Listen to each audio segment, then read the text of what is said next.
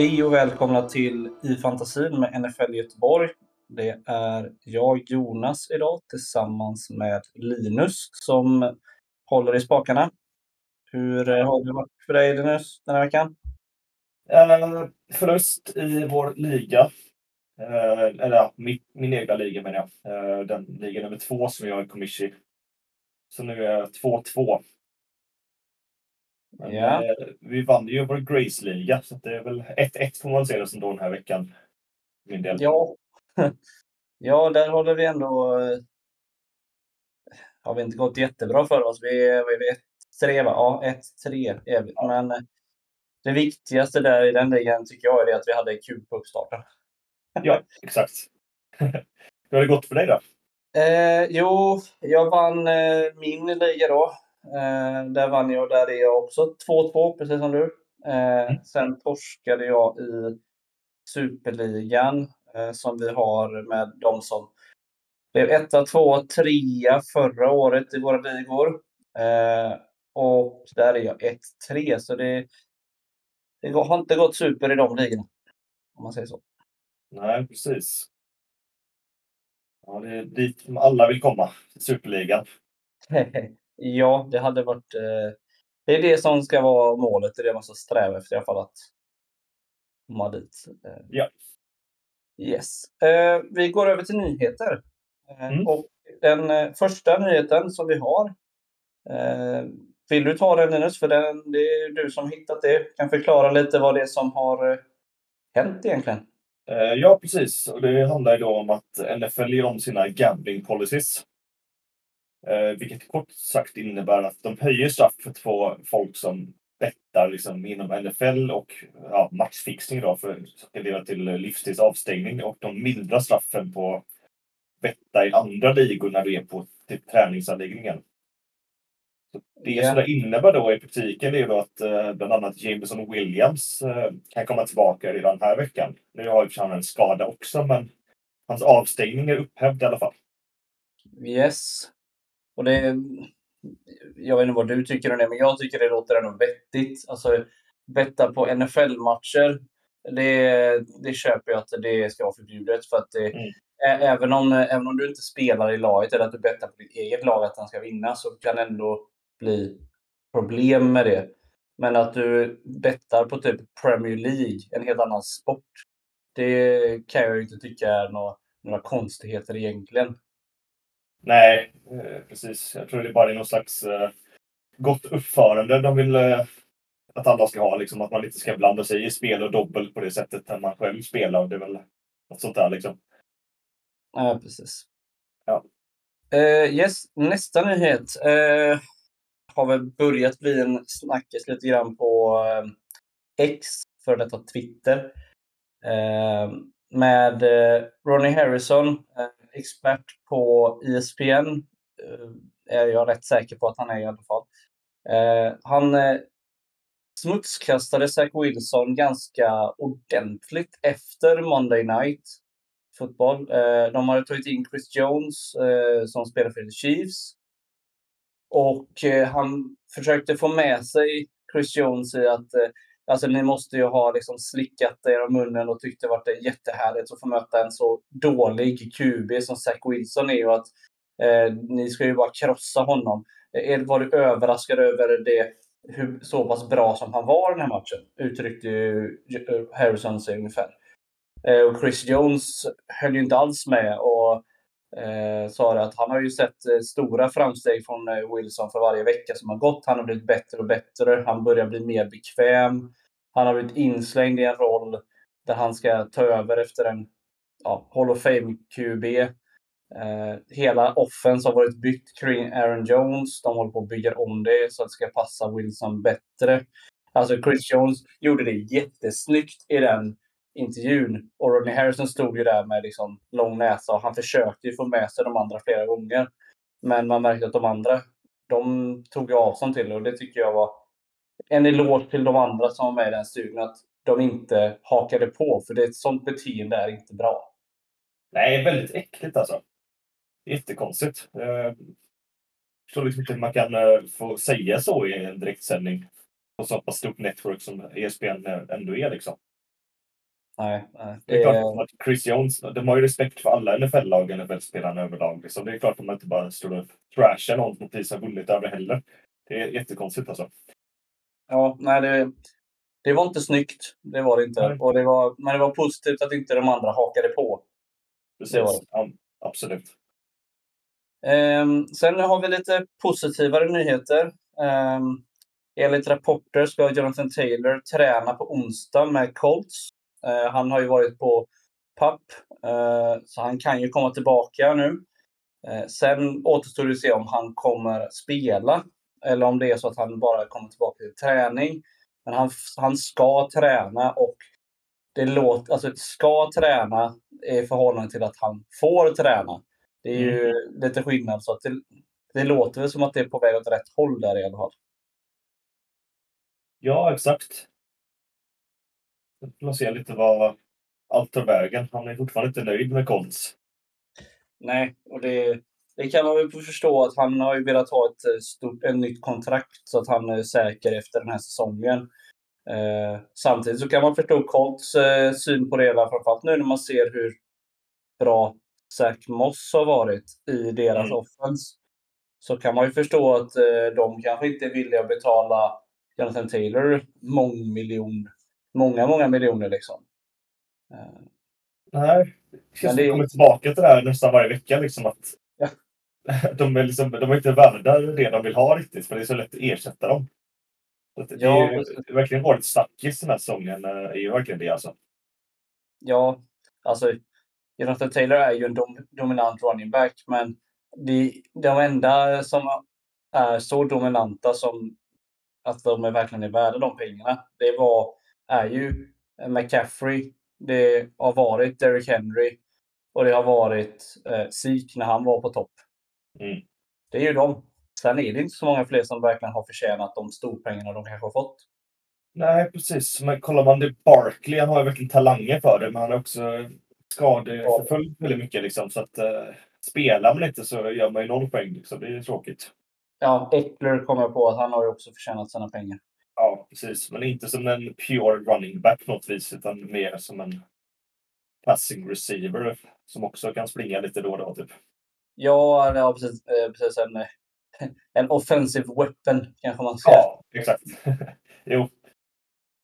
Sen eh, en annan spelare som brukar vara väldigt bra för fantasy. Eh, som är på väg tillbaka är ju Cooper Cup. Mm. Och han eh, ska väl börja träna nu också. Eh, och då finns det ju risk att eh, alla vår fantasy-darling Puka Nakua eh, kanske får lite mindre targets. Så det kan ju påverka honom långsiktigt. Men Ja. Samtidigt så eh, Nakua har ju verkligen bevisat att han förtjänar rollen. Exakt. Jag tänker mer det som har inte Rams det mest stackade wide receiver-rummet just nu. När han kommer tillbaka upp Det är ju helt sjukt alltså. Vilken jävla depth de har. Alltså de, de har ju namn, men de har ju inga eh, mer än Kapp eh, och Nakua. Så är det väl ingen som är en stjärna direkt, eller? Så Tutu Atwell har ändå varit rätt stabil också, som vi snackade om här för några veckor sedan. Ja, jo, i och för sig. Och sen har vi Van Jefferson, är väl inget stjärnnamn så kanske, men äh, Tyler Higby finns ju också med i ekvationen. Alltså, det finns ju ett jävligt bra offense där, liksom. det gör det ju faktiskt. Ja, ja deras topp tre receivers när Cup är tillbaka, är ju, de, de är ju starka. Det, är, exakt, det, det, det var det jag var inne på. Exakt. Mm. Så, jag tror inte han kommer peta ner äh, Nakua på det sättet, men äh, det känns som att han lär bli receiver två då. Istället. Ja, precis. Jag tänker att eh, Nakua kanske inte får mellan 12 och 15 targets. Han kanske får mellan 8 och 10. Exakt. Och det är ändå helt okej okay i fantasy synvinkel också. Ja, precis. Yes, då går vi över till skador. Eh, vill ja. du börja Linus, där kanske med eh, på offense? Ja, precis. Det har hänt ganska mycket den här veckan. Eller inför den här veckan, sagt kan jag börja med QBs vanlig ordning. Då har vi Kenny Pickett som har, har fått en eh, MRI på sin, sitt knä som, som blev en bone bruise. Eh, jag vet inte vad det är på svenska exakt, men det är väl någon slags spricka i benet kanske. Något sånt där. Typ en lättare fraktur. Jag vet inte vad det är riktigt. Ja, det skulle kunna vara, det skulle kunna vara, eller så är det bara att eh, liksom så här, det är en smäll mot benet som eh, gör jävligt ont, men som inte är någon... Ja. Det är liksom mer, mer smärt, smärttåligheten än något annat. Mm, precis. Eh, yes, han är då week to week just nu och eh, enligt rapporterna så finns det en stor risk att de eh, bänkar honom fram tills efter deras bye week då. Känns den, ja, det känns vettigt ja. Så då lär man sig lite Mitch Trubisky, din gamla favorit, starta. Se. Eh, ska kolla när de har bye week bara lite fort här, men det borde vara ganska snart tänker jag. De har vecka sex precis. Då, två veckor utan picket då. Mm. Det är väl planen. Eller tre veckor blir det till och med om man räknar med den här veckan som vi pratar om nu. Ja, precis. Yes, och ner då? Eh, Justin Herbert eh, fick ett brutet finger på sin vänsterhand dock. Men, eh, så det är väl inte så farligt egentligen. Han kommer tillbaka. Han gick av efter matchen så fick han någon slags eh, av cyborg-handske nästan där, som han hade på vänsterhanden. Och Ja. spelar vidare som vanligt. Att, eh, jag tror inte det är något som kommer påverka honom i fantasy jättemycket. Nej, jag, jag läste att det, det verkade som att det inte bara var liksom själva att han bröt fingret, utan det verkade som att nageln fick sig en jävla smäll också på fingret. Så att, Ja, så att fingret i sig såg ju ganska missformat ut. Jo precis. Jo, det är nog eh, smärtsamt tror jag, men jag tror inte det kommer påverka honom så mycket eh, ja, när han faktiskt spelar. Nej, precis. Det är, Ja, det hoppas man i alla fall. Men eh, nu har de ju bye week också, så att han får ju vila en vecka till. Liksom, så att han får en hel vecka där det får läka lite grann också. exakt, jag tänker väl en sån här eh, fingerfraktur borde vara fyra till sex veckor överlag, eller? Alltså bara generellt nu. Ja, om det hade varit på hans eh, kasthand, absolut. Men alltså överlag, om du bryter fingret imorgon med så borde du säkert ha gips i fyra veckor. Det är väl ganska... Ja, det, är så. Ja, ja, det hade man haft. Eh, yes, men eh, han är i alla fall questionable just nu, men han lär ju spela vidare om inget annat händer. Ja. Vilken vilken kul panda också. Mhm. Eh, sen har vi Jimmy Garoppolo. Det är fortfarande är i concussion protocol. Inte så mycket information där, men han har inte clearat det än i alla fall. Nej, Det det brukar, ta, det brukar ju ta lite längre tid nu. De har ju blivit hårdare med det med hjärnskakningar. Så det är väl, eh, men eh, det är lite, alltså, ja, om man inte har clearat på onsdag eller torsdag, då, då kan man ju börja undra om det är någonting mer, om man säger. Ja, exakt. Jo, han var ju out även förra veckan. Då startade de med sin rookie Aiden O'Connell. O'Connell. Mm. Det gick väl sådär, men... eh, Ja, alltså, alltså man, man kan väl säga så här, det fanns ljusglimtar i, i O'Connells eh, start. Han hade en rushing touchdown. Han Yes. hade lite han hade en del passningar över 20 yards, vilket är inte jättevan, jättevanligt i en första start. Så att det var Nej, ju positivt, men eh, det fanns också downside på spelet också. Ja, eh, jag tror det största problemet var att hantera press liksom, och döda bollen innan man blir sackad. För, ja, det här tror jag inte ska prata om sen, men Khalil Mack hade ju sex sax mot honom själv den matchen, vilket är helt jävla sjukt. Japp. Khalil Mack hade lika många sacks i en match med Chargers som han hade sista året när han spelade med Bears. Hela Mm. säsongen. Och Men jag tycker också liksom, eh, det är också en rookie QB, så det är liksom inte, inte lika imponerande som att typ sacka Josh Allen eh, sex gånger. Liksom. Nej, absolut inte. Men sex sacks är fortfarande sex sacks. Så att, Precis, det är också det. Uh, yes, nu ska vi inte fastna här för länge. Vi går vidare till running backs. Och, eh, den här veckan på skadrapporten så har vi Lion Mitchell som har sin knäskada. Han är väl på väg tillbaka nu lite grann tror jag. Men han är väl day to day fortfarande. mm. Så vi får se lite vad som händer där tänker jag. Här. Och Eh, vem mer? Eh, vem mer? Jo, vi har också Kyron Williams. Andra årsspelaren i Rams som eh, ökat i värde väldigt mycket senast. Han har ju just en hip injury. Ja. Han är listad som questionable just nu. Uh, allting tyder på att han antagligen kommer spela, men uh, det är värt att ha lite koll. Ja. Yes. Uh, wide receivers, vill du ta dem? Ja, jag tänkte det var väl Javonte Williams lämnade ju Bears match också med en höftskada som lät som han skulle kunna vara borta den här veckan. Men lät inte som Just att det var det. jätteallvarligt. Uh, nej, det, det har du helt rätt Det missade jag att nämna. Uh, men jag kan ta wide receivers. Um, T. Higgins, uh, questionable med uh, revbensskada. Uh, återstår att se lite hur det ser ut där. Överlag. Vi kommer komma in på Bengals lite senare. Uh, så en liten cliffhanger där. Eh, Debo Samuel, knä och revben. Han hade ju problem med revbenen redan innan matchen. Mm. Nu kom även knät in på den skadelistan. Så där får man hålla uppsyn. Han är day to day som det är nu, men man vet aldrig.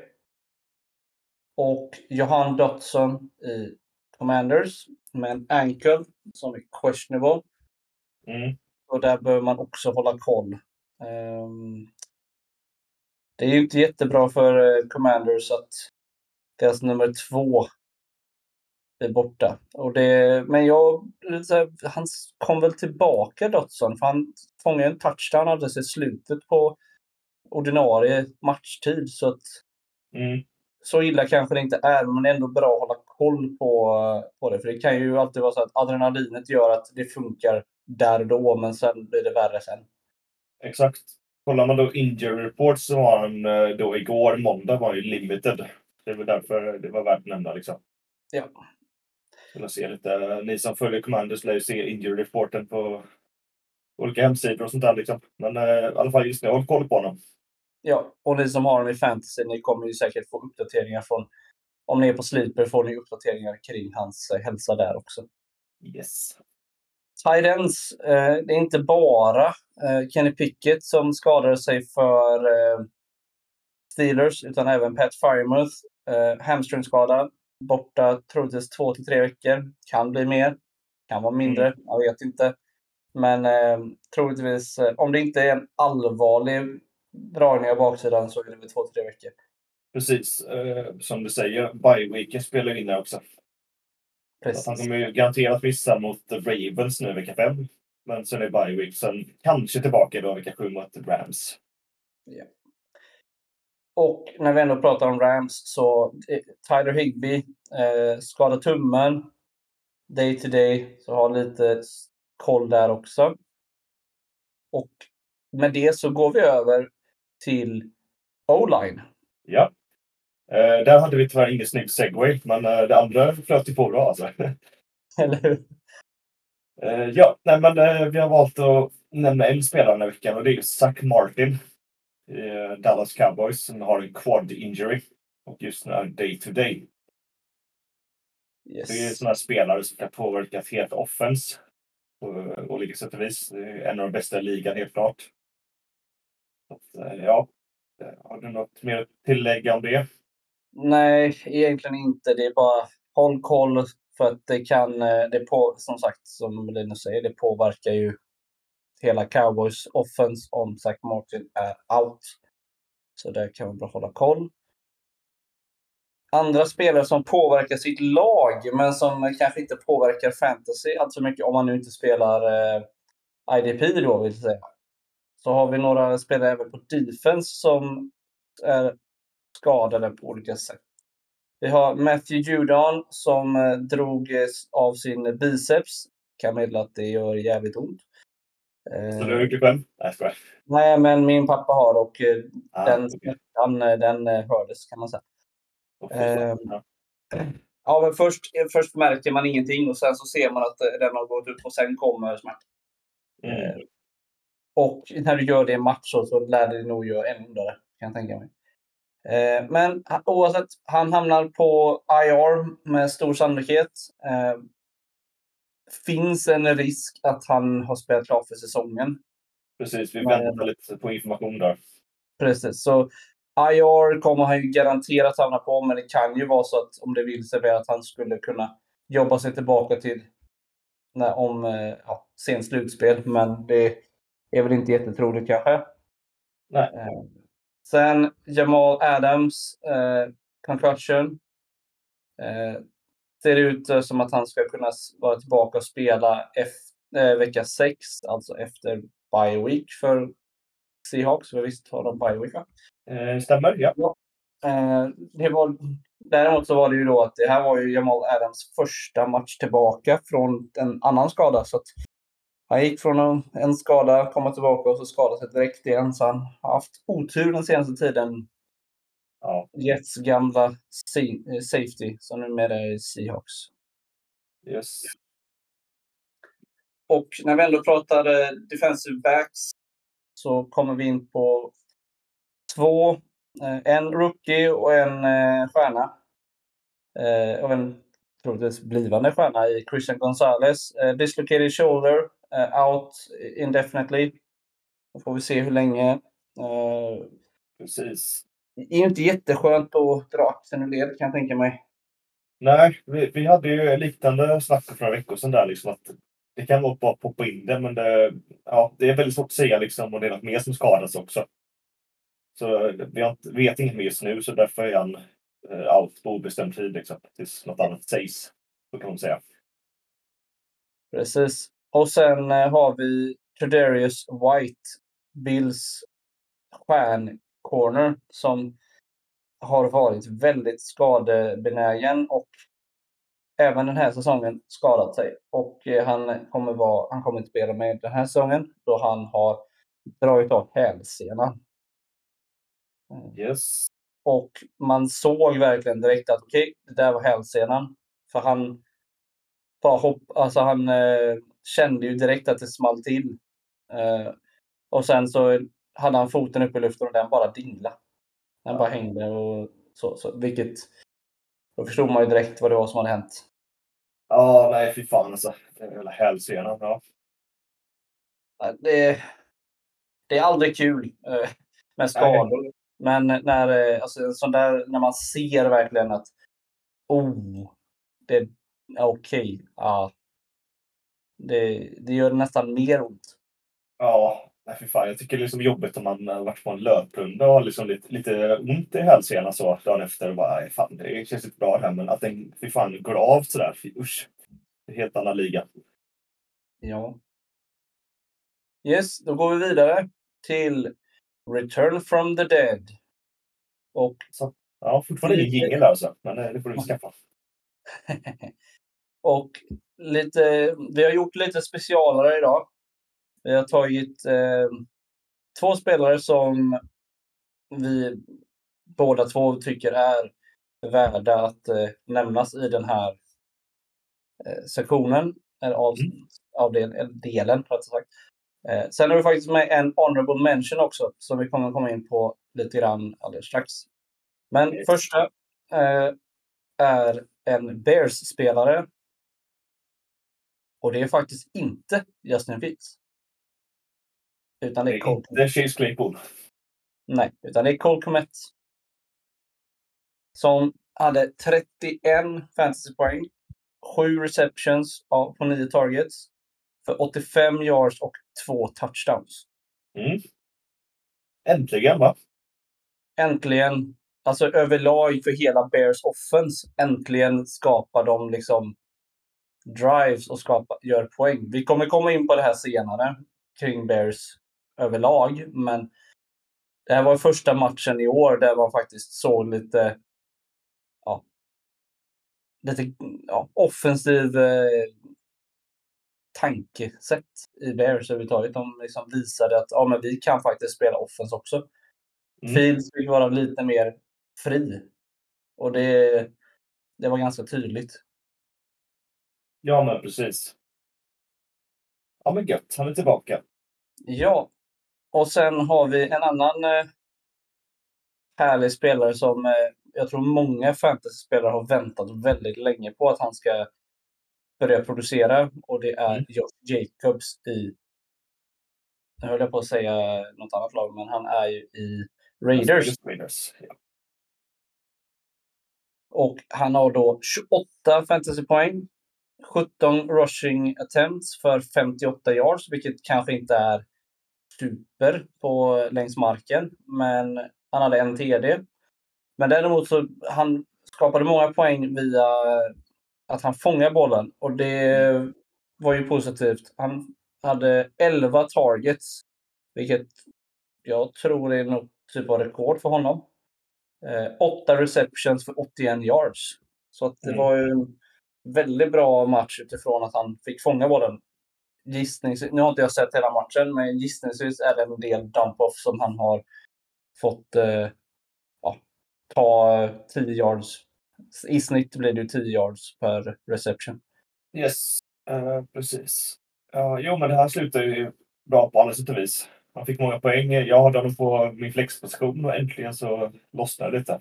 Och eh, Charlies vann ändå, så att det är win, win, win. Ja, precis.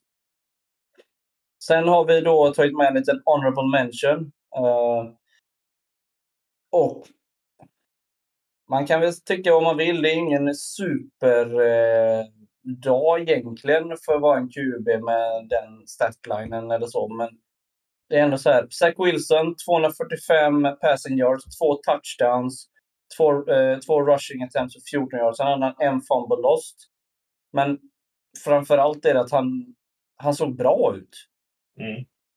Han, inga interceptions. Han eh, var mer bestämd med bollen. Eh, ett fruktansvärt dåligt eh, domslut, tycker jag. Eh, när att man kastar flaggan så sent som gör att Jets inte har chansen att ja, faktiskt vinna matchen mot Chiefs. Mm. Flaggan kommer in liksom långt efter att man har liksom gjort interceptionen.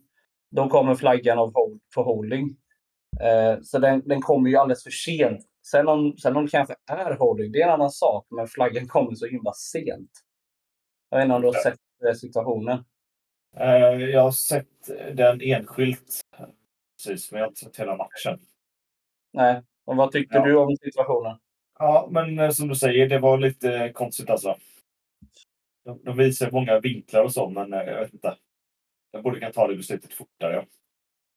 Ja, framförallt inte eh, typ, några sekunder efter, efter att Jets har eh, fångat bollen och börjat springa åt andra hållet. Liksom. Nej, precis. Väldigt konstig timing på allting. Ja, och fram, alltså man, har- jag har sett en stillbild liksom så här, att den domaren som kastar flaggan, han tittar ju liksom eh, in mot planen. Jetspelaren har bollen och springer förbi honom. Då ser man att han har flaggan i handen. Han har ju fortfarande inte kastat flaggan när jetspelaren har bollen i handen. Ja, precis. De, eh, de gillar Chiefs, domarna. Eh, ja, och detta säger vi inte för att reta upp Chiefs eh, kan vi ju då säga. Utan det här är ju för att man, man blir ju lite förundrad när, man, alltså när domslutet kommer så sent. Det är ju det man reagerar på.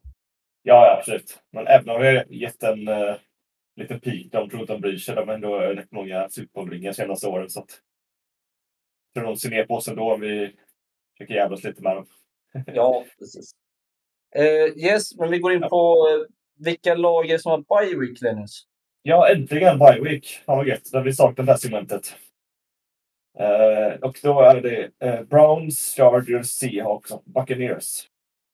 Yes. Vilket lag tror du mår bäst av att ha bye week nu? Ja, det ju Ja. alltid vi. Varenda jävla år. Alltid. Chargers? Ja, eh, nu har inte jag jättekoll på skadeläget de andra lagen, men eh, jag menar Chubb är ute i Browns. Mm. Seahawks, Jamal Adams kan ju må bra av en bye week såklart. Bucks vet jag inte om det är något sådär. Är det någon stor skada där som kan... Mike, Mike Williams lämnade ju med en hamstring. Jag vet inte hur allvarligt det var. Det nämnde vi inte på wide receivers förut. Men, ehm, det är väl den... men jag tänker för Browns, de saknade ju Deshaun Watson nu sista matchen. Ja, precis. Ja, det är sant. Jo, de, eh, de mår nog bra med week också. Ja, så det, jag tror egentligen alla de här lagen mår bra av en bye week, men av olika anledningar. Ja, Alltså, Seahawks eh, mår bra av att kunna få i ordning på försvaret lite till, kunna få in framförallt kunna få in Jackson Smith and Jigba mer delaktig i spelet. Eh, Mm. och eh, även Gino Smith lämnade i slutet av matchen. Förhoppningsvis är han väl tillbaka nästa vecka, ja, efter bye week. Det. De enda som kanske mår minst bra av det, om man säger, låter konstigt, är väl Bucks. Med att de har det endaste man säger, är Mike Williams som, är, som har lämnat liksom, någonting. Mike Williams, är det? Ja, jag sa fel. Mike Evans.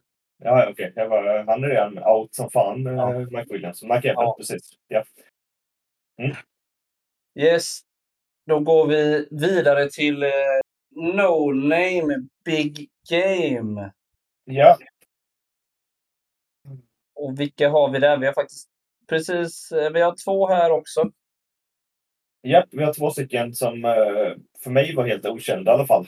Men eh, jag kunde inte bestämma mig vilka som var mest okänd, så jag tänkte jag tänkte kolla med dig också.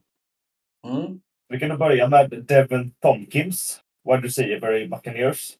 16 poäng, 4-4 reception för 45 yards och en touchdown. Ja. Sen så har vi Andrew Ogletree.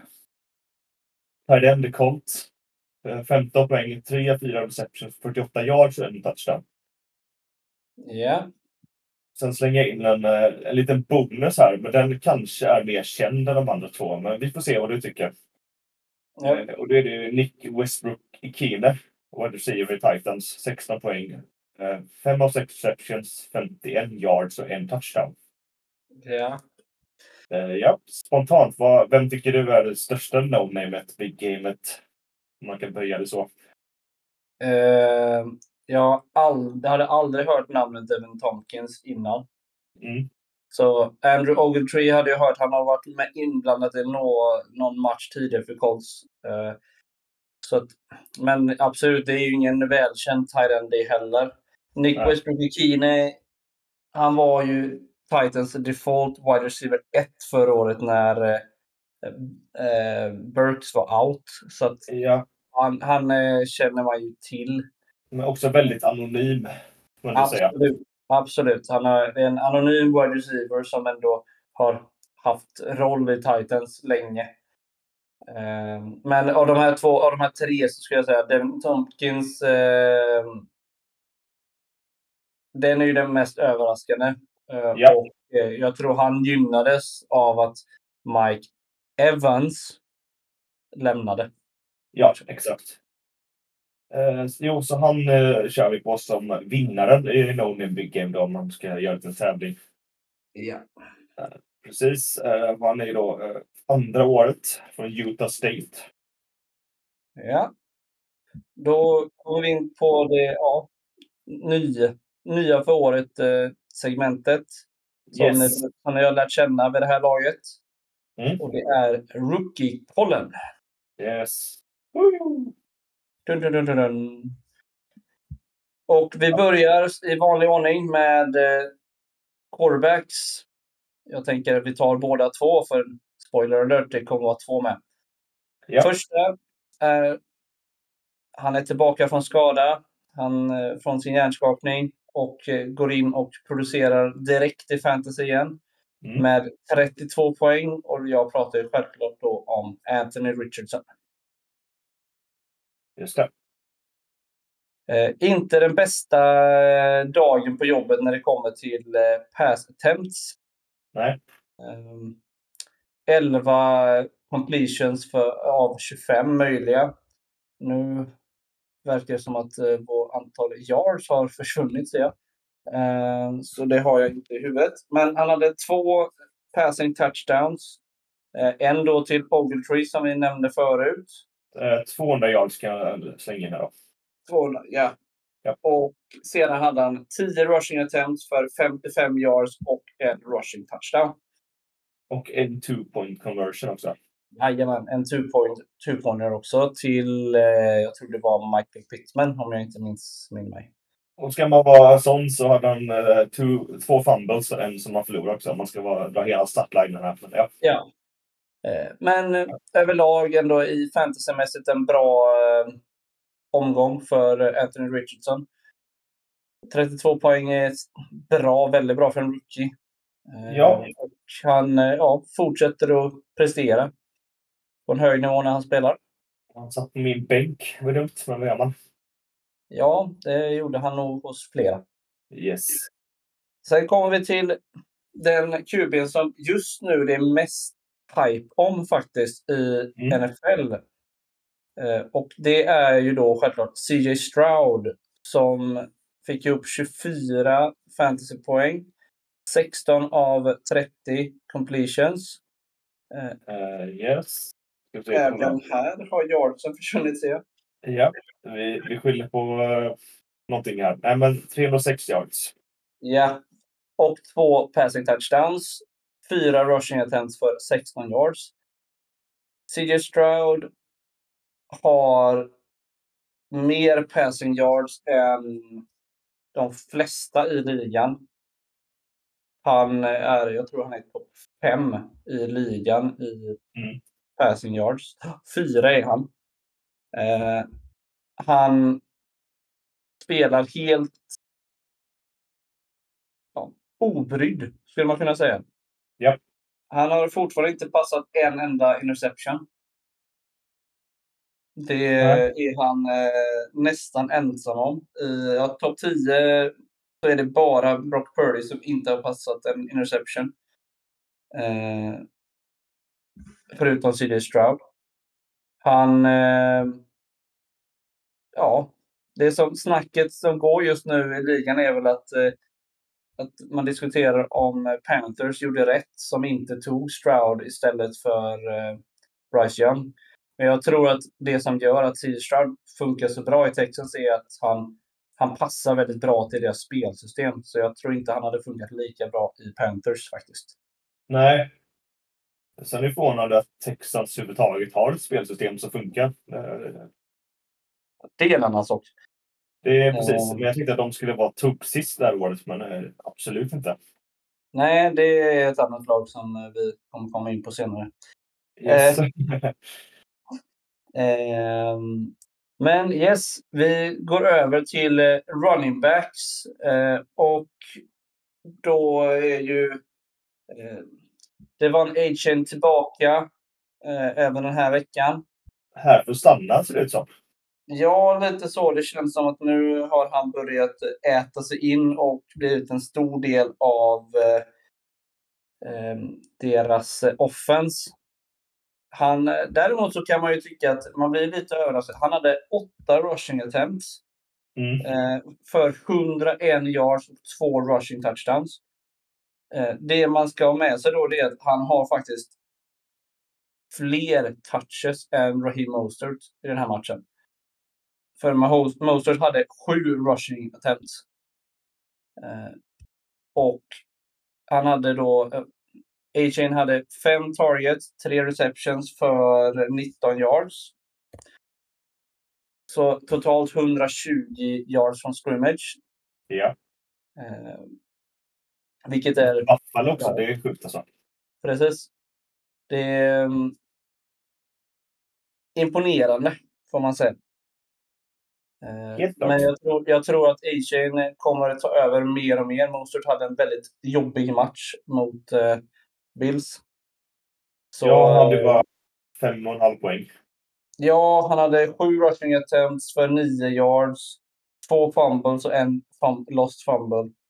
Mm. Så eh, fem eh, targets, tre reception, 36 yards. Eh, Mostert. Så A-Chain kommer nog mer och mer äta, ta över. Nu är väl Jeff Wilson på väg tillbaka. Eh, men jag tror inte det kommer påverka A-Chain så mycket. Jag tror mer det kommer påverka Mostert faktiskt. Just det, precis. Så jag tror att man utan tvekan kan börja använda A-chain i alla fall som flex och snart även RB2 utan att behöva fundera.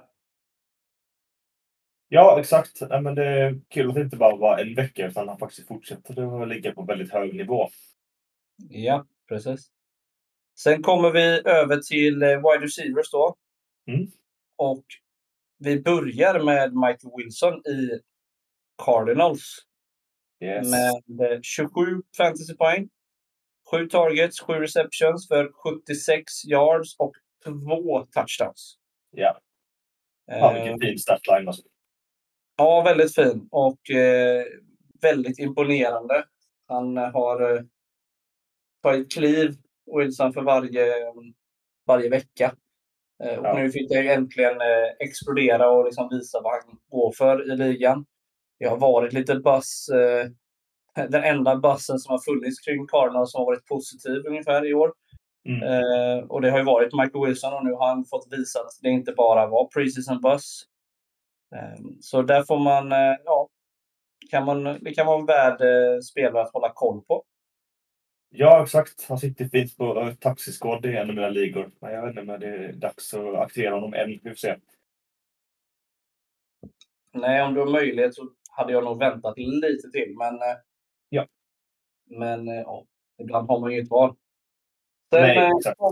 sen kommer vi till den andra preseason bus-spelaren som bevisat att det inte bara var preseason bus. Och det är Puka Nakua med 31 fantasypoäng. Mm. 9 av 10 receptions för 163 yards. Ja, ni hörde rätt. Ja. Och en första touchdown i karriären.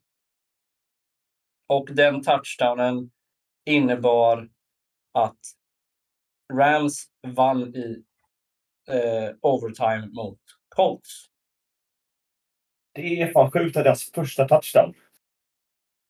Jag, ja. jag ser det här nu framför mig, men hur i helvete har han inte gjort det innan när han liksom haft bra bit över 20 poäng tre av matcherna? Ja, det... Bara PPR utan liksom TD.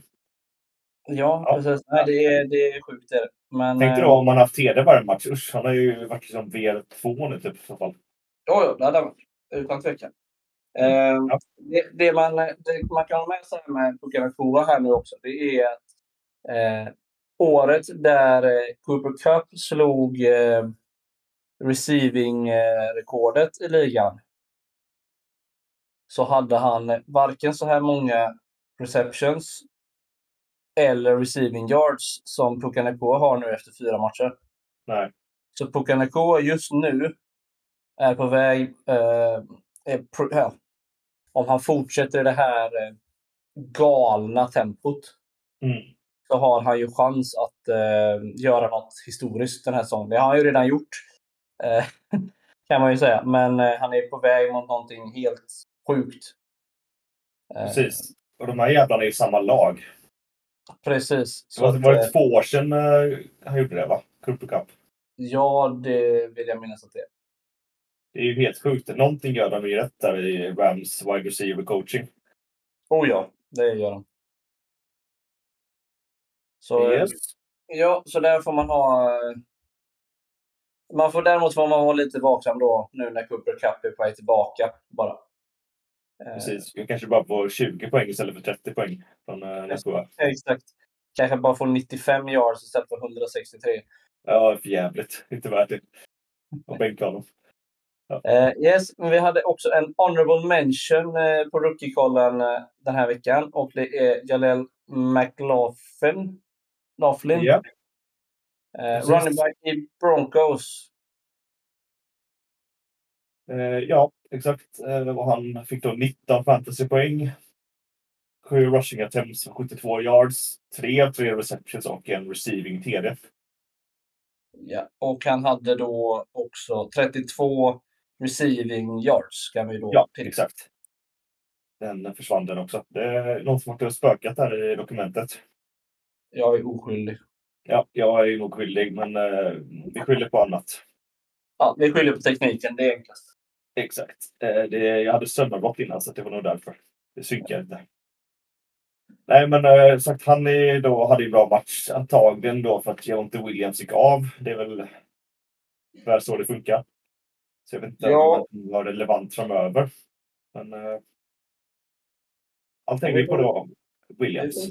Ja, precis. Det får hålla koll på Jonte Williams och eh, Pirine har väl inte sett supersexig ut i Broncos så det är inte omöjligt. Men ja, vi får ju hålla lite koll. Sen får man ju komma ihåg också, också att Broncos mötte ju då ligans eh, näst sämsta eh, run defense Mm. i Bears. Jo, Eh, de har ju, det finns ju ett sämre och det är lite svårt att möta sig själva. Ehm, nej. så, Jag vet hur det känns. Förra året var vi typ sämst på run defense också. Så att, ja. Då går vi över till eh, poddens eh, ska vi säga, favoritsektion ja. i What the fuck is going on dude? Ja, jag bara... What the fuck is going on dude? Och Mm. vi har två punkter faktiskt som vi tänker ta upp idag. Eh, vi börjar med den eh, kortare varianten där jag inte ska gå på en eh, rant förhoppningsvis. Och det är Joe Burrow. Yes. Vad har hänt med honom sedan han skrev på sitt monsterkontrakt? Eh, ja du. Eh, jag har inget svar på det tyvärr, men eh, jag vet inte. Han har haft lite skadebekymmer. Jag vet inte om det är så enkelt heller. Nej, jag tänker det också. Jag skrev ju det att vaden kan ju inte vara enda orsaken till att det ser ut som det gör. Jag vet inte hur deras o-line är nu, om den är skadeskjuten. Jag har faktiskt inte full koll, men det känns som att det känns som att Bengals offense är liksom genomskådat typ. Och Burrow inte riktigt vet hur han ska hantera det. Nej, men exakt. Eh, Det har varit många sax mot den här säsongen, så det, det säger väl en del av o-linen. Han är ju tre nu senast mot Titans. Ja, Men jag, jag vet inte, alltså det, det här med att klaga på Bengals o-line känns också lite uttjatat.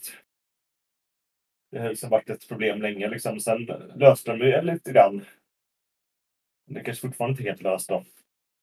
Nej, det verkar inte så. Och, ehm, han har ju knappt passat några touchdowns i år heller. Det är ju det som är lite... Han har, han har två touchdowns på hela säsongen. precis, och lika många interceptions. Ja, precis. Och det är liksom... Det håller ju inte. Nej. Man sagt, jag upprepar vad vår kära Patreon, bengalerna, har sagt att han vaknat till liv efter vecka fem. Så vi får se Ja. om den profetian stämmer. Ja, det får vi se. Jag, eh, jag hoppas ju det också. Jag har ju Burrow i flera ligor och, och så, men eh, alltså som det ser ut just nu så känns det ju... Ja, man börjar undra liksom. Det Ja, kan man, det kan man med att säga. Mm. Yes. Ja. Andra punkten. Nu kanske ni får stå ut med att jag eh, går på lite rant, men andra punkten är eh, kring Bears. Och det är framförallt Matt Eberflus och Luke Getzys eh, playcalling. Eh, sista koden. Eh, när man leder med eh, två TDs när sista koden börjar. Man tappar ledningen till att det står lika. Det är ungefär två minuter kvar. Man är i field goal range, ganska komfortabel field goal range. Man är typ 23 yard linje någonting. Det är fourth, eh, 4 och 1. Eh, man väljer att först försöka få eh, Broncos att hoppa offside. Det gör de inte. Man tar timeout. Mm. Slösar en timeout. Eh, och sedan väljer man att ändå gå för det.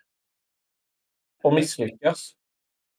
Istället för att sparka en field goal som tvingar Broncos att för att vinna matchen behöver de få en touchdown.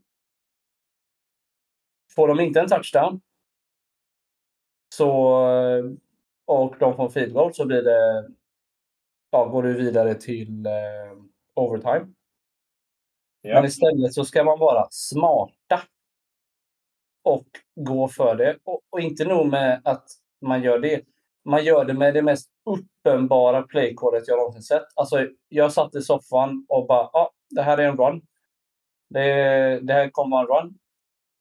Vad händer? Jo, det är en run till Khalil Herbert som bara springer rakt in i en mur av Broncos-spelare. Och Justin Fields står där och liksom bara kan inte tro att det är sant. Och jag förstår honom. Alltså, Fields gjorde sin bästa match som passing QB i sin Bears-karriär. Han, Alltså, passade över, han passade över 300 yards för första gången någonsin i en Bears-uniform. Är första matchen han, sen han tog över som QB för Bears som han har passat över 300 yards. Han kunde inte göra så mycket mer. Fyra touchdown, passing touchdowns, en interception. Man kan inte klaga på Fields eh, spel. Det enda det är hans, det är hans fumble där eh, det blir en fumble för eh, sex. Det är det man kan klaga på honom. Annars gör han inte många misstag i den här matchen. Nej, exakt. Mm. Och alltså man blir liksom... Man blir paff. Man leder med två touchdowns och så har man chansen att... Ja, men gör man, gör man field goal där så måste Broncos ja, få en touchdown och då har de två minuter. Och Bears har då också två, hade i sådana fall haft tre timeouts om man inte... Ja, man hade fortfarande haft två timeouts. För man har ju tagit timeout när eh, man försökte få dem upp offside. Mm. Men det bästa hade ju varit att inte göra det. Kicka field goal, ha tre timeouts. Skulle det vara så att Broncos gör, gör en field goal så kanske man har 40 sekunder kvar. Och då kanske man kan ta sig upp och göra ytterligare ett field goal och vinna matchen. Ja, Alltså, så det är den ena delen i det hela. Att jag, det känns som att det är på väg att bli historia i Bears. Mm. Jag tror att Ma- Matt Eberflus och Luke Getsky eh, ligger väldigt pyrt till till att få sparken. Det har inte hänt i Bears historia att man har sparkat en head coach under säsongen. Eh, det känns som att det är inte allt för långt borta nu faktiskt. Eh, och sen har vi ju situationen med Chase Claypool också. Han eh, får inte träna med laget. Då han ses som, enligt vår headcoach då, ses som en distraktion för resten av laget. Eh, enligt rykten så ska han inte alltid anstränga sig på träningarna och klagar mycket. Eh, och vill ha, alltså han vill vara en stjärna, men han är det inte. Eh, det finns rykten om att det finns andra lag som är intresserade av Claypool och skulle kunna tänka sig att trada för honom. Eh, om detta stämmer så hoppas jag att Ryan Poles eh, gör vad han kan för att få, få så mycket som möjligt. Men får vi någonting mer än en femte runda, alltså får vi en femte runda ska vi jubla. Känner jag. Är, de, är aktien så låg nu alltså? Femte runda?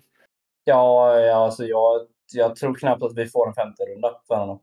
Han har ju knappt gjort, han har knappt gjort någonting sedan han kom till Bears. Eh, han kostade 32nd overall pick. Eh, vilket var helt sjukt. Kollar man, vi hade kunnat haft Jonathan Mingo eller Jalen Reed istället för Mm. Claypool. Om eh, vi hade valt att ta wide receiver i draften istället. Vi hade kunnat haft Joey Porter. Eh, corner istället. Det fanns många alternativ. Eh, men eh, vi valde att eh, trada mot Chase Claypool som i stunden kändes som att okej, men då är det för att vi, vi bygger för att vi ska bygga upp en stark wide receiving core. Vi Mm. tradar till oss DJ Moore. Men Claypool har ju inte funkat i Bears överhuvudtaget. Och han har ju liksom ja, talang. Det går Ja. inte att- att säga någonting om. Men han anstränger sig inte. Nej. Han, eh, det, han, eh, det är någonting där och det gillar inte Iberflus heller. Så att därför får inte Claypool träna med laget som det är just nu. Och jag tror att det är de här grejerna som gör att Iberflus också ligger pyrt till för att få sparken. För att det känns som att han håller på att tappa omklädningsrummet. Mm.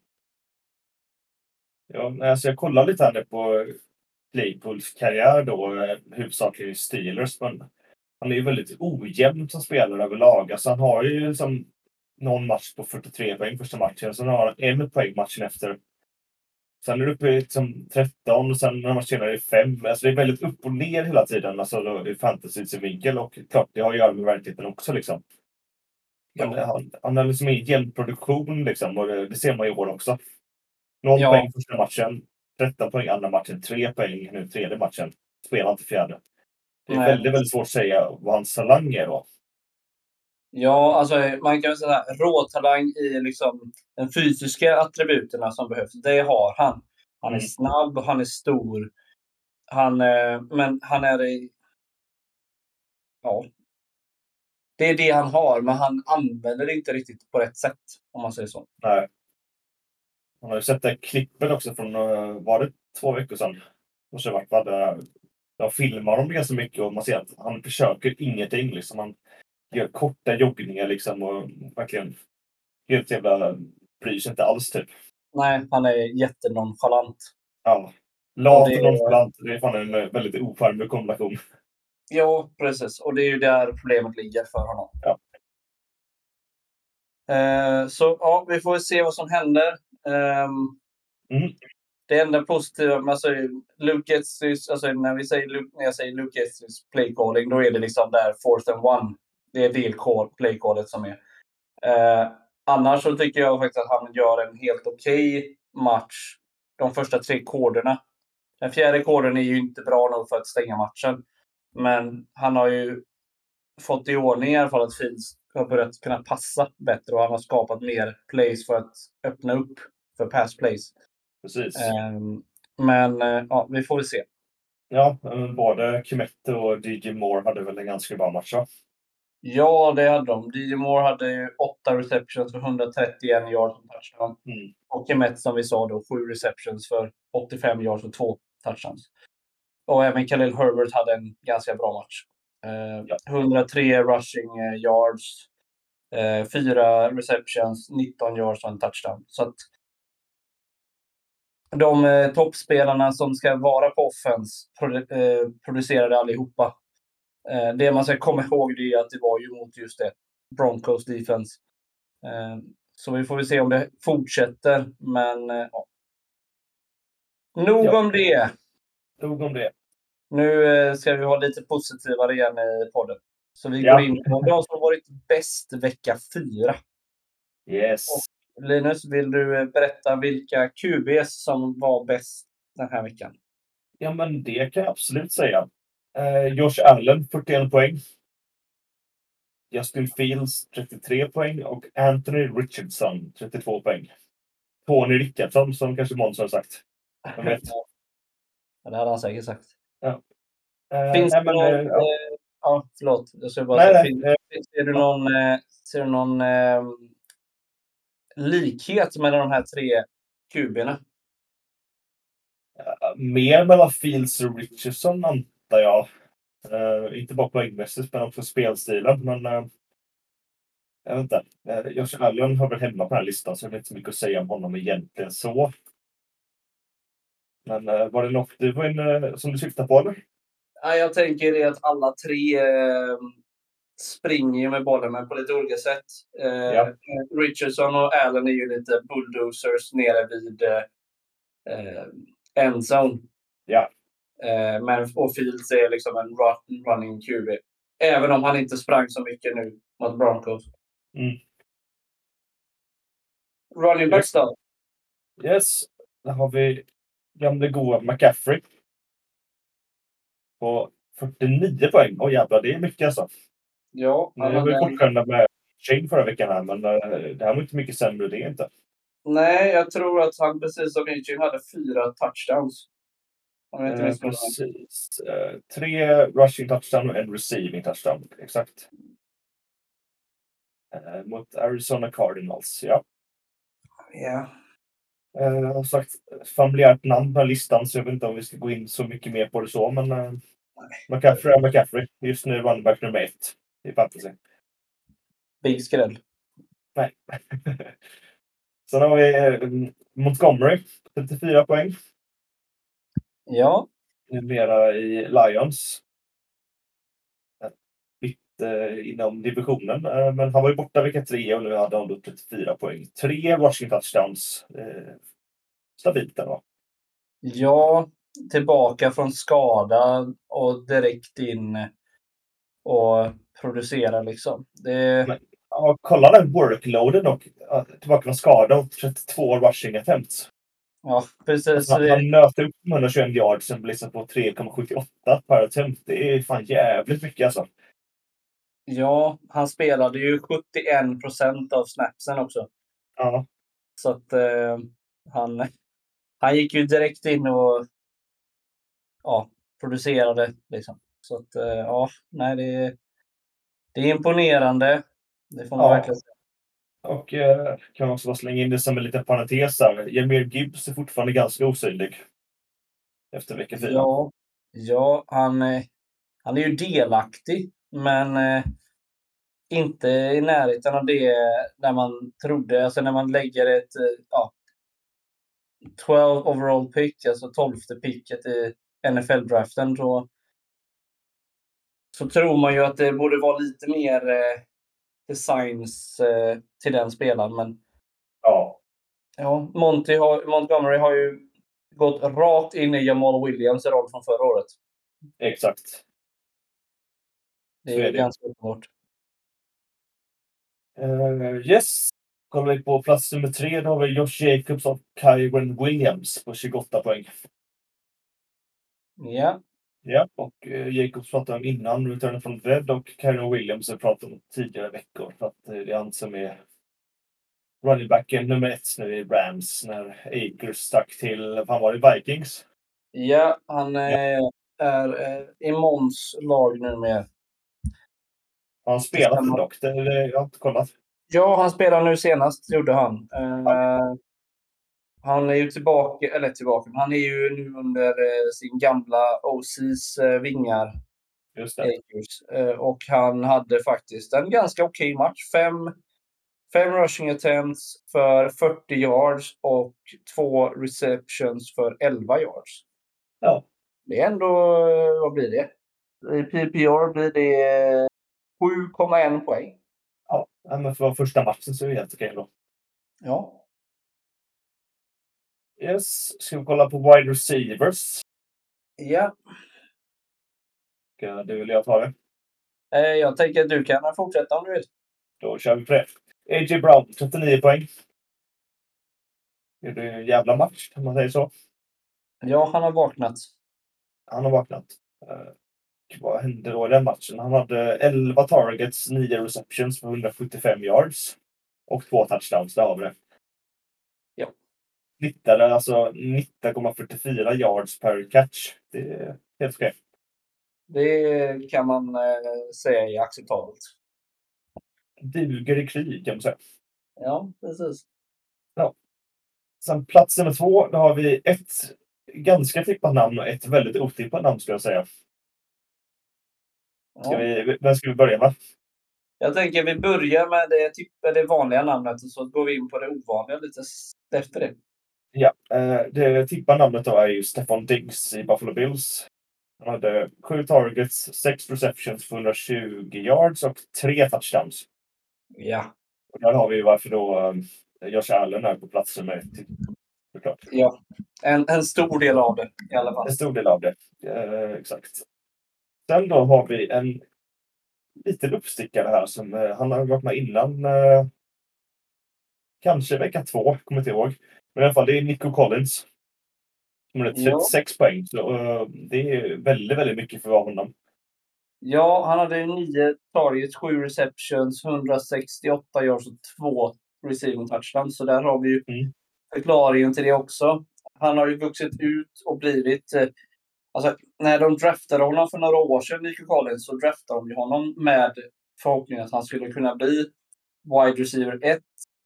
Han har tagit steg år för år. Eh, och i år har han ju verkligen tagit det klivet som behövts. Eh, Han har ju också fått en eh, bra QB nu som passar bollen till honom i Stroud. Eh, Men ja, alltså lite förvånande då att det har gått, att det har blivit så bra. Men samtidigt, Mm. Nick Collins var en five star recruit till college. Alltså han såg som en av de absolut största wide receiver-talangerna när han skulle in i college. Ja, Eh, Sen hamnade han ju i Michigan som är notoriskt kända för att inte kunna producera eller utveckla wide receivers så mycket. Eh. Så eh, här har ju talangen kommit fram om man säger så. Precis. Något av late bloomer, men nu börjar det ordna upp sig liksom. Precis. Uh, yes, och båda var fick 36 poäng om jag inte sa det. Sen uh, wide receiver nummer tre har vi då igen Pukanakua, 31 poäng. Ja. Ingen större, precis, ingen större skräll att han är med på den här listan. Nej, kul att säga så med rookie, men ja. Ja. Då Yes. går vi in på ends. Jag tänker att då tar jag över tight enden. Eh, och end 1 är Cole Kmet med 31 poäng. Pratade om honom innan i Return of the Dead. Eh, väldigt bra statline, bra överlag. Ja. 31 poäng är riktigt stabilt för att vara. Tight end 2, eh, Mark Andrews, 28 poäng. Lite grann äntligen börjar han producera eh, på en Ja. hög nivå. Alltså det är inte, han har ju varit med, men nu börjar ju liksom de högre poängen ticka in för honom också. Så Exakt. det är skönt. Och Tiden 3 är en Tiden från Falcons. Men det är Mm. inte Kyle Pitts som typ alla vill ska få chansen att verkligen visa hur bra han är. Utan det är Jonas Smith. Den gamla Tex... Eh, nu ska jag inte säga fel. Den, gam, den gamla Titans och Patriots Tidenden som numera huserar i Falcons. Som verkligen lyckats. Jonas Smith var ju under eh, Arthur Smiths vingar i Titans. Så att Ja. det är kanske inte sån stor skräll att Jonas Smith lyckas i Falcons, men lite frustrerande är det ju när eh, de har en sån supertalang som Cal Pitts på positionen. Absolut. Jag tycker överlag att Arthur Smith är en riktig jävla fantasy destroyer. Alltså Ja, fan. Eh, Jag har ju Drake London någon liga liksom och Cal Pitts i någon annan liga med liksom. Men det är inget stämmer. Ritter är skitdålig. Det endast funkar i Bijan typ. Men ja det, ja, nu, nu gjorde ju ändå Drake London, han, fick, han gjorde i alla fall en touchdown, så han räddade ju sin statline lite grann. Men ja, men det är typ varannan vecka. Ja, precis. Ja, men, alltså, jag, men jag håller med dig helt och hållet. Alltså, Ridder håller ju inte för NFL. Det ser Nej. man ju. Nej, Eh, precis. Jag hoppas ju att de ganska snart byter till Tyler Heineke. För det skulle vara bättre för fantasy. Det är inte så att det absolut måste vara bättre för Falcons. Nej. Utan, eh, det är, utan för, utifrån fantasy hade det varit bättre med Tyler Heineke. För han vågar passa bollen. Vi diskuterade lite i vår chatt om att han är en gunslinger. Jag skulle inte riktigt kalla honom för gunslinger. För han är ändå noga med hur han passar bollen. Han springer gärna med bollen också. Men han är han vågar ta de här, alltså vågar kasta in i tight coverage, vågar lita på sina receivers. Ja. Ridder, han stirrar ju ner sina wide receivers. Så att, alltså, när han hade två interceptions, det hade lika gärna kunnat vara fem. Ja, ja, absolut. Alltså, det var så dåligt. Det var tre gånger i matchen. Om man nu inte såg den, det var ju tidigt på, i eh, söndags. Mm. Det var tre gånger där wide receivers fick stanna i sin route för att vänta på att bollen skulle kastas. Så de får ju bollen mot sig när de inte har någon fart. De ska ha fart. Det är det är Mm. kanske vi ser till det. Det är ingen hook route där de ska stanna och vända sig om och ta emot bollen. Utan Nej. de springer en slant. Och de får liksom stanna för att Ridder inte kastar bollen. Utan han kastar den liksom i magen på dem när de står still. Mm. Ja. Är, ja, nej. Nej, jag tycker Falcons har på listan av eh, fantasylag, eller lag som man borde undvika i fantasy rättare sagt. Ja, Eh. Patriots är gammal MVP exempelvis, och även Chiefs. Ja. Men eh, jag har nog nästan hellre... Eh, nej, inte hellre Patriots-spelare för de eh, har inte varit bra hittills heller. Eh, men eh, nej, det är eh, Falcons. Så länge Ridder är QB där så... Eh, ja. Så är man nog lite orolig. Ja. Defense går vi över till. Och där har vi första defense är Seattle Seahawks med 32 poäng. Väldigt stabilt och bra. Oh ja. Tvåa är faktiskt tillbaka på listan igen. Cowboys med 28. Och trea är Jaguars, men jag ser att eh, poängen har försvunnit. Nej, det blir så igen. Nej, men poängen Men, eh, direkt, eh, direkt 21 på London. Ja, 21 precis. Exakt. Nej, det var för tidigt för att skriva in det. Eh, De här eftermiddagsmatcherna hinner man inte med, vet du. Nej, precis. Eh, och avslutningsvis kickers. Då har vi Jake Elliott på 18 poäng. Mm. Sen har vi tre stycken som delar på andra platsen och det är Tyler Bass, det är Brett Maher och det är Brandon McManus. Och sen har vi Aubrey och Fairbairn på 12 poäng som är kicker 3. Eh, detta ger en totalpoäng på 316 poäng. Helt okej, va? Ja, det är väldigt bra. Då kommer ju frågan då, Linus. Går Yes. det här laget att drafta? Eh, spontant, ja. Ehm, jag tänker C-Mac tar man i runda ett tidigt då om man är där. Mm. Sen tar man A.J. Brown. Men det är väl sig Diggs kanske. Ah, fan, den förstör jag inte. Men du kan man också ta Collins istället. Mm. Eh, om vi nu tillåter det. Jag vet inte. Eh, Ja, alltså sett till om vi ska ta alla som vi har markerat eh, Mm. så, så skulle jag säga att nej. Men då av anledningen att jag har svårt att se att man kan få både CMAC, för CMAC kanske man fick 101, 102 och 103 Ja. någonstans där. Eh, A.J. Brown och Diggs gick ju i slutet av runda ett, början av runda två. får jag för mig. Exakt. Mm. Jag tror, ja, det skulle vara om en, alltså A.J. Browns föll väl sällan så långt. Eh, Så jag tror det är svårt faktiskt. Eh, nej, det går inte men, riktigt bra. Men Nästan. ja, precis nästan. Running backsen, alla tre hade man kunnat få i alla fall.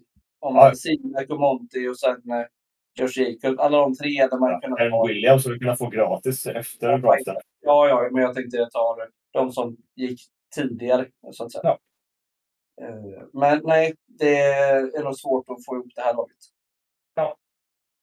Sen kommer vi till bästa vecka tre i våra ligor. Och Linus, vem var det och vad fick han för poäng? Yes, då har vi BK Osthuvud. I Liga 1. Kan han vara ett Packers-fan, jag. Vem vet? Ja. Eh, antagligen. Men eh, i alla fall, inte det det handlar om nu. Utan vi kollar på hans lag istället då.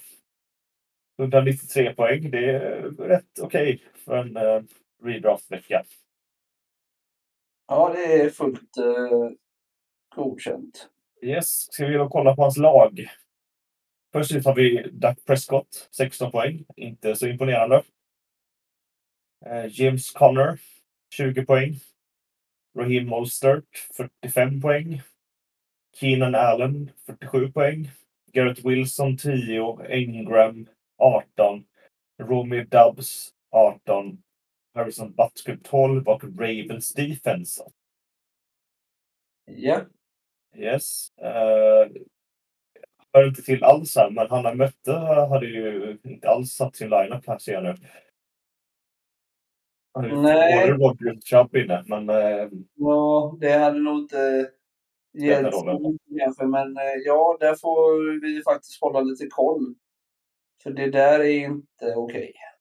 nej. Men jag tror att BK Osthuv hade vunnit ändå. Det hade han. Men eh, får hålla koll nu eh, vecka fyra och fem. Där. Yes, exakt. Eh, ja, nej, men sagt, uh, Mostert hade ju då bredvid A-Chain förra veckan en grym match och även så Keenan Allen som slog franchise-rekord. Så var det väl Mm. sagt, Engram är stabil som vanligt. Det är ju kul att han ändå eh, hade en bra match. Ja, det är det. Eh, ja, Connor stabil. Ja, nej, men eh, har du något mer att tillägga eller ska vi hoppa vidare? Nej, jag tänker att det, du har lyckats säga det mesta där. Det, Yes. Vi går till eh, sista delen av eh, avsnittet. Sen har jag en liten eh, tankenöt som jag tänkte vi skulle ta sen också. Eh, men Yes. eh, pickups. Pickups. Och Ja, då running backs. Vi har ju nämnt honom tidigare, McLaughlin. Nu kanske jag sa fel namn, men ja. Running backs i Denver. Om Jonte Williams är out, precis. Så- Stort om. då är det en eh, pickup att, att rekommendera. Även ett namn som, eh, det, det känns konstigt att säga det här namnet, men Melvin Gordon. Nej. Han eh, såg faktiskt helt okej ut. Det jag säger, jag skrattar lite samtidigt. Han såg faktiskt helt okej ut för, eh, för Ravens. Han, eh, Fem poäng. ja, men han spelade 19 procent av snapsen. Mm, I och för sig. Jo. Han hade tre rushing attempts för 21 yards, alltså snitta 7 yards per eh, rush. Han hade en target, en reception för 23 yards. Han gjorde väldigt mycket med den lilla tiden han fick. Mm. Så om han får fortsätta, alltså om han eh, får chansen att fortsätta eh, och ta mer och mer speltid, så tror jag att han skulle kunna vara en eh, nödlösning vid bye weeks. Jag Eh, säger ja. inte att det är liksom en eh, pl- plug and play starter. Det är absolut inte det jag säger. Eh, men jag tror att han, det finns chans lite längre fram att han skulle kunna äta in lite grann på eh, ja, kunna prestera lite helt okej. Men det är ingen det är ingen sån som han ska springa efter. Nej. Men mot en som är, det är ju Jalen Warren. Eh, han eh, lär nog få ännu mer att göra när det är Trubisky som spelar. Då kommer, jag tror det kommer vara mer dump-offs. Eh, så att han har en chans att eh, kunna få mer att göra helt enkelt. Ja, exakt. Mm. Sen wide receivers. Vilka har vi där att rekommendera? Uh, först ut är då Michael Wilson. Pratade om innan. Rookien i Cardinals. Ja. Som gjorde en eh, kanonmatch. Eh, just nu bara roster 6 Mm. Så eh, har ni en plats över på bänken så kan det vara värt att plocka upp honom och se lite vart det fortsätter. Ja. Yes. Sen har vi också då som jag nämnde ganska nyligen Romeo Dubs i Packers. Han är Just nu på 61 procent. Eh, och där finns det ju sagt lite att hämta.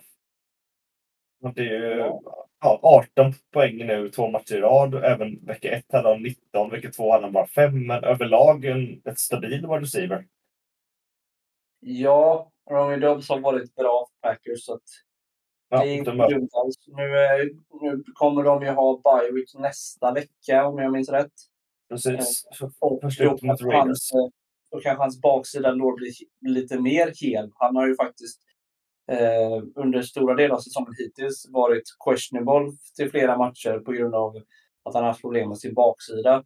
Mm. Eh, så då kanske den hinner läka helt nu då.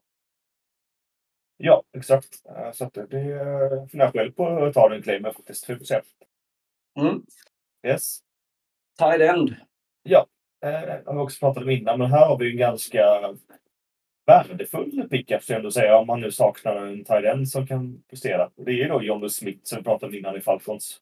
Som just nu bara är 2% rostered.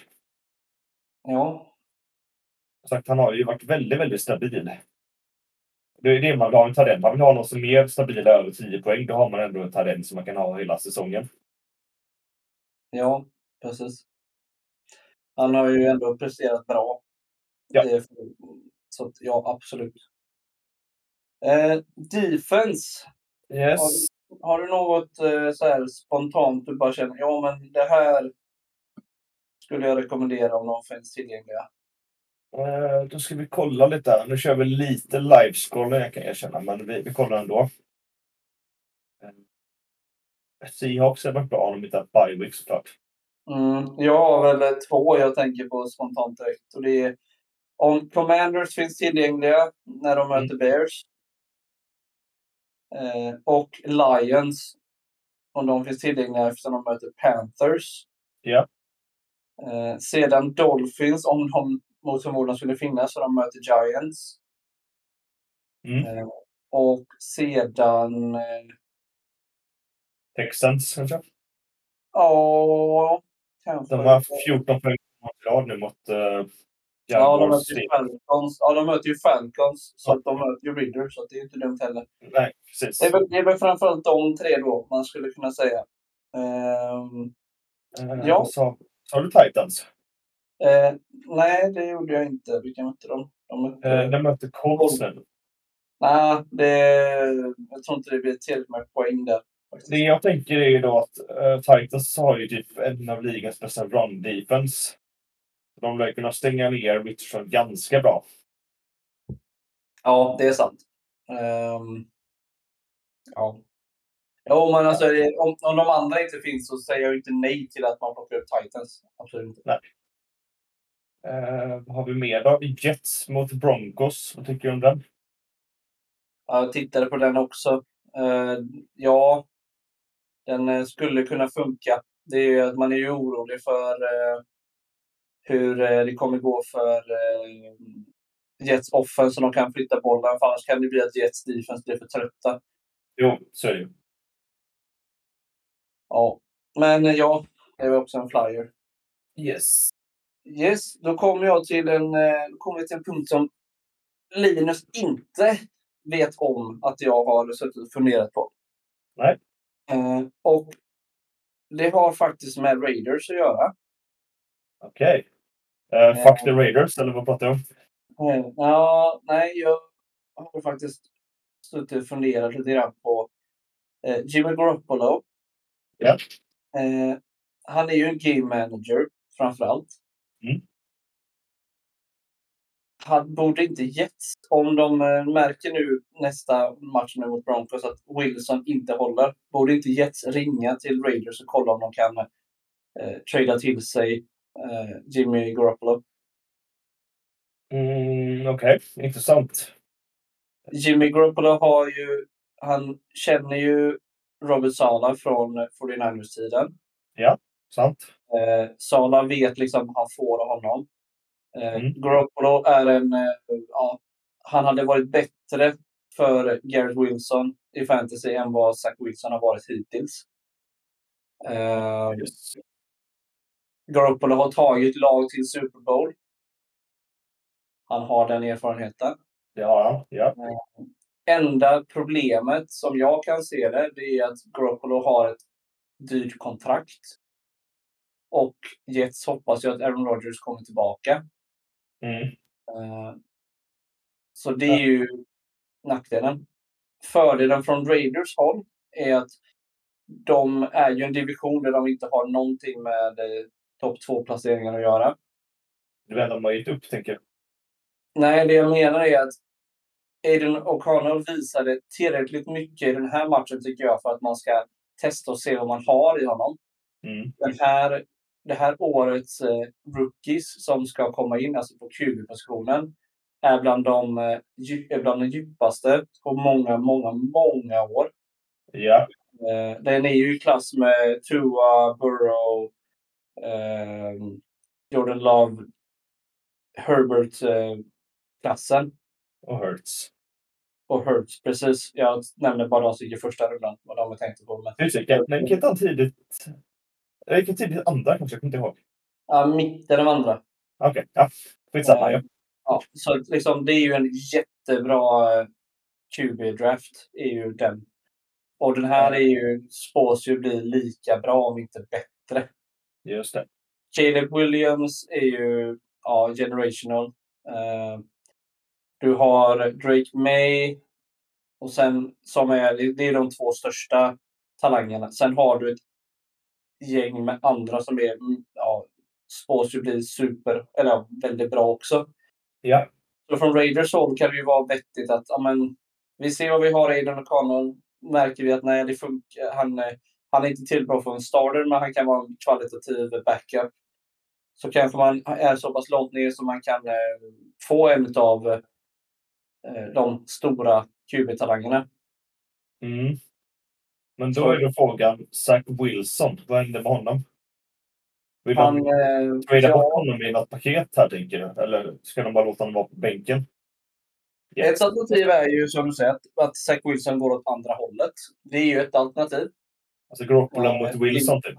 Ja, precis. Att han går till eh, Raiders. Eh, annars är det ju att eh, man har kvar honom eh, för att ja, försöka ge honom en chans att fortsätta lära sig. Men han är, visar sig att han är inte mogen än. Zach Wilson hade ju mått bra av, tror jag, av att få samma behandling som Jordan Love fick i Packers. Sitta bakom en erfaren QB och liksom bara suga in allting den kan. Precis. Vi har ju, vi har ju märkt det. Det funkat på Jordan Love. Han har ju presterat bra i Packers.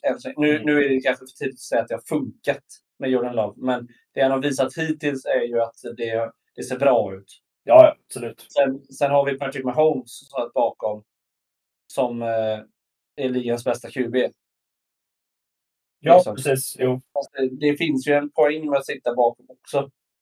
Ehm, det gör det. Men dock så har väl ändå Wills spelat i två eller tre år nu. Ja, absolut. Han har spelat, men han har inte varit bra. Nej, precis. Men tror du det hjälper att liksom ta ett steg tillbaka, alltså ändå några år in i karriären för att liksom lära sig mer? Eller tror du liksom att hans eh, första år, eh, där han är, lär sig som mest, är körda liksom?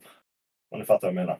Jag fattar vad du menar. Jag tror att han... eh, Jag tror han hade mått bra av att sitta bakom ett helt år och bara studera. Det var ju det som var tanken att han skulle göra nu bakom Rodgers och få lära sig allting han kunde få från Rodgers. Precis. Eh, Och det tror jag hade varit det bästa för eh, Zach Wilson. Nu, eh, nu är det ju lite trial by fire för honom ändå nu. Men eh, Mm. nej, det är bara en tanke som har slagit mig att Jets borde ju vara intresserade av kanske, om det inte funkar nu med Wilson, uppgradera. Jag har läst rykten om att de skulle kunna vara intresserade av Kirk Cousins också. Om det är så att, att Vikings eh, skulle liksom torska ytterligare match och vara 1-4. Att Ja. Vikings kanske borde tänka på framtiden liksom, på QB-positionen och se vad man kan få för honom. Ehm, Men eh, ja, det är mycket spekulationer. Trade deadline är ju inte allt för långt borta. Så att, Nej, så jag har ju en, en, ett till lag som jag vill slänga in i den här liksom, som en potentiell three-way trade och det är ju fortfarande Trey Lance i Cowboys.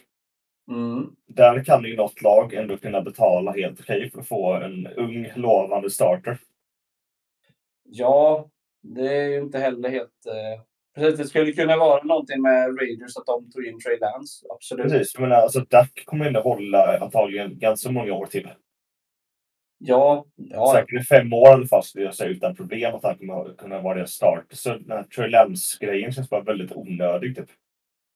ja den, den var lite förvånande. Det håller jag med. Mm. Men det ska inte Eh. vara så här superavancerade GM eh, analysts här. Det kommer bli jättesvårt att se vad som händer i verkligheten. Men det är väl en intressant tanke du säger med Garoppolo. Jag gillar verkligen det. Alltså. Vi har ju tidigare analyserat QB-behov när vi pratar om Steelers och Pickett och allt det där liksom för några år sedan. Det är Ja. intressanta tankar. Ja, det... Jag tänker det är lite spännande. Liksom man kan diskutera. Eh, lite, spekulera lite. Ja, Sen, det är eh, väldigt kul. Ja, sen tänkte jag att vi skulle bara titta på... Det är ju, ligan är ju lite spe- speciell med hur man får olika draft picks när man får, alltså vilken eh, ordning det blir och så. Eh, Just nu ser ju eh, draftordningen för topp 10, tänker jag bara nämna. Jag tänker inte ta med. Så är ju, Chicago Bears har ju just nu pick 1 och 2 i draften. Eh, så Caleb Williams och eh, Marvin Harrison Jr.